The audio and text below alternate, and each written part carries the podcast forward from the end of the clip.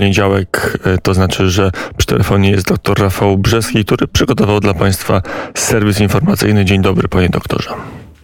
Dzień dobry panu, dzień dobry państwu. No, dzieje się na świecie, dzieje się w Polsce i wokół Polski, w związku z czym będą wiadomości o rzeczach, które się właśnie dzieją lub się niebawem staną. Para prezydencka Andrzej Duda i Agata Kornhauser-Duda rozpoczęła wizytę państwową w Turcji. Program jest intensywny, a głównymi tematami rozmów prezydentów Andrzeja Dudy i Recepa Erdogana są bezpieczeństwo regionalne, współpraca w ramach NATO, umowa zbrojeniowa oraz możliwości rozszerzenia współpracy gospodarczej. Wymiana poglądów prezydentów jest elementem przygotowań do czerwcowego szczytu Sojuszu Atlantyckiego. Andrzej Duda odwiedzi również polski kontyngent wojskowy w Turcji. Służy w nim 65 żołnierzy, którzy mają do dyspozycji samolot rozpoznawczy Bryza i wykonują loty patrolowe nad Morzem Śródziemnym i Czarnym. Towarzyszący prezydentowi minister obrony Mariusz Błaszczak podpisze umowę na zakup dronów bojowych Bayraktar. Polska kupuje cztery zestawy, czyli 24 bezzałogowe statki powietrzne uzbrojone w pociski rakietowe. Rozmowy o charakterze cywilnym obejmują współpracę banków centralnych oraz przemysłu motoryzacyjnego. Program wizyty obejmuje także odwiedziny polskiej osady Adampol oraz spotkanie z patriarchą Konstantynopola Bartłomiejem I. Postanowienie TSUE w sprawie kopalni Turów jest bardzo niebezpieczne z punktu widzenia potencjalnych zagrożeń ekologicznych, bezpieczeństwa energetycznego Polski oraz przyszłości rodzin 5 tysięcy pracowników. Rząd polski nie może tego nie brać pod uwagę, stwierdził premier Mateusz Morawiecki. Zapewnił również, zapowiedział również kontynuowanie negocjacji ze stroną czeską i przedstawienie nowych argumentów Eurotrybunałowi. Jeszcze dzisiaj planuje rozmawiać otwarcie z premierem Czech Andrzejem Babisiem podczas spotkania w Brukseli. Premier Morawiecki obiecał, że ekran powstrzymujący przepływ wody, o który tak zabiegają Czesi, powinien być gotowy już we wrześniu. Ponadto zwrócił uwagę, że zatrzymanie kopalni, a więc i pompowni, pogorszyłoby tylko, a nie polepszyło stosunki wodne. Podczas konferencji prasowej dziennikarze wspominali o pojawiających się już negatywnych skutkach społecznych postanowienia TSUE. W polskich sklepach odwiedzanych tłumnie przez przyjeżdżających Czechów, bowiem zakupy w polskich E, sklepach są korzystne, gdyż ceny są niższe, pojawiły się już tabliczki Czechów nie obsługujemy. Regionalna Solidarność zapowiedziała blokowanie dróg oraz inne nieujawnione działania odwetowe. Prokurator generalny Zbigniew Ziobro polecił wszcząć śledztwo w sprawie uprowadzenia do Mińska zarejestrowanego w Polsce samolotu linii Ryanair lecącego z Aten do Wilna. Będzie ono prowadzone w kierunku użycia podstępu i groźby w celu przejęcia kontroli nad statkiem powietrznym oraz pozbawienia wolności jego pasażerów. Władze Białorusi potwierdziły, że poderwały myśliwiec MiG-29 celem przechwycenia pasażerskiej maszyny i zmuszenia jej do lądowania. Dzisiaj wieczorem spotyka się w Brukseli na nadzwyczajnym szczycie Rada Europejska. Unijni przywódcy mają omówić najważniejsze problemy bieżące. Stan koordynacji działań w walce z COVID-19, kwestie związane ze zmianą klimatu, Stosunki z Wielką Brytanią po wejściu w życie 1 maja dwustronnej umowy o handlu i współpracy oraz punkt określony jako, cytuję, debata strategiczna na temat Rosji. Przewidziana jest również dyskusja wokół wczorajszego uprowadzenia do Mińska przez białoruskie myśliwce MiG-29 zarejestrowanego w Polsce samolotu linii lotniczej Ryanair. Przed odlotem do Brukseli premier Mateusz Morawiecki powiedział, że podczas obrad Rady Europejskiej będzie wnioskował, aby wszystkie loty między Unią Europejską a Białorusią zostały wstrzymane. Jutro w Brukseli o uprowadzeniu samolotu przez białoruski rząd dyskutować będą ambasadorowie państw NATO. Natomiast rzeczniczka rosyjskiego Ministerstwa Spraw Zagranicznych Maria Zacharowa napisała na Facebooku, że kraje zachodnie nie mają najmniejszych podstaw do twierdzenia, że są zaszokowane postępowaniem władz Białorusi, ponieważ swego czasu na prośbę Stanów Zjednoczonych zmuszono do, do lądowania w Austrii samolot, którym leciał prezydent Boliwii. Łotewski minister transportu Talis Linkajc poinformował, że flagowy przewoźnik Air Baltic postanowił nie korzystać dłużej z przestrzeni powietrznej Białorusi.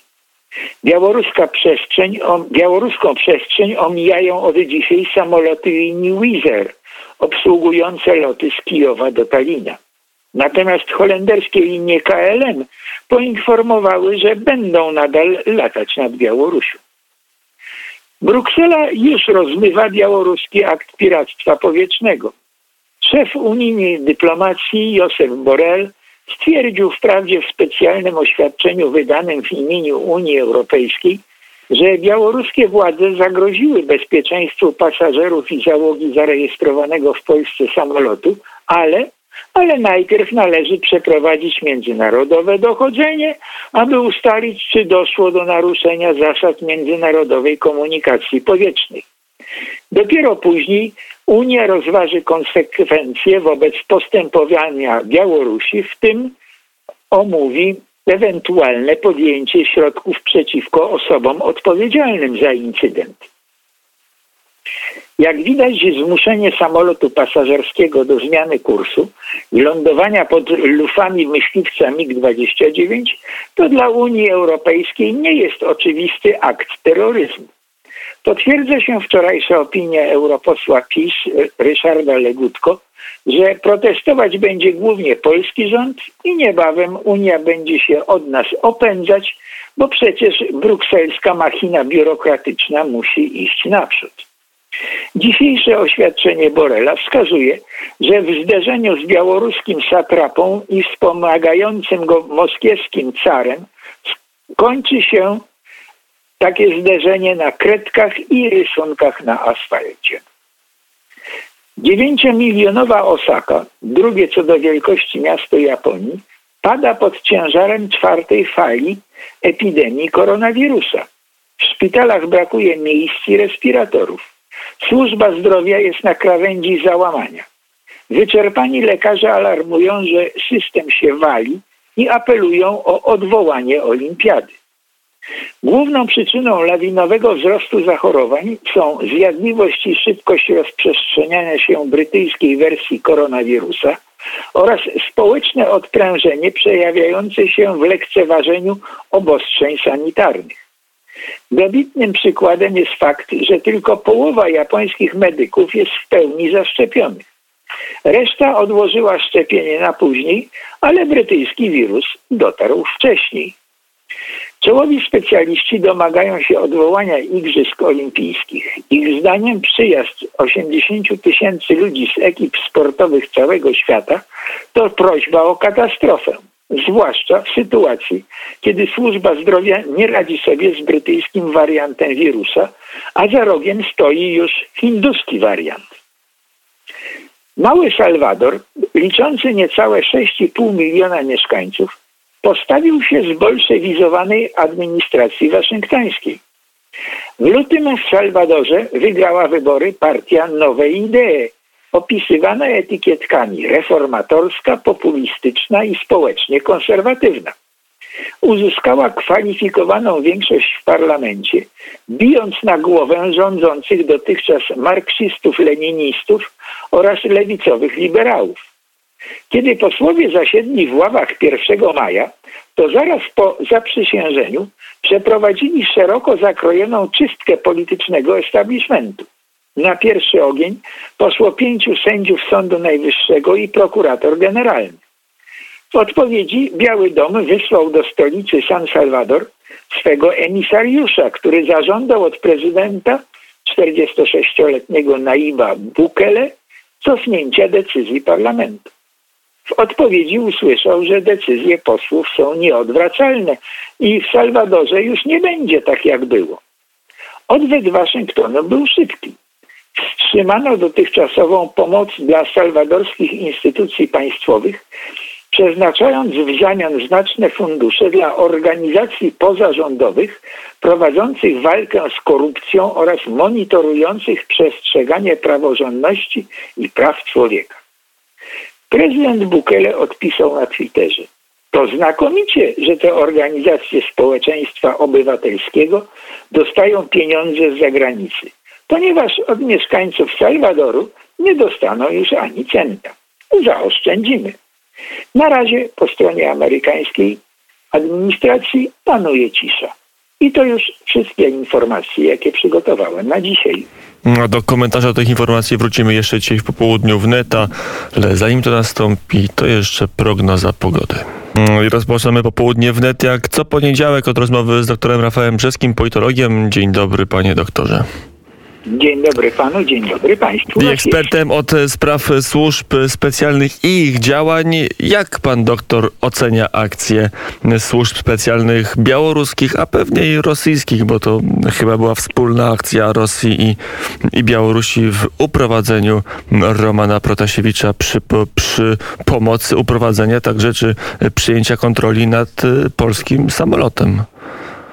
No więc tu jest, trzeba, trzeba najpierw ustalić fakty i ich definicję, a potem można dokonać oceny, bo to będzie, wtedy ta ocena sama przyjdzie.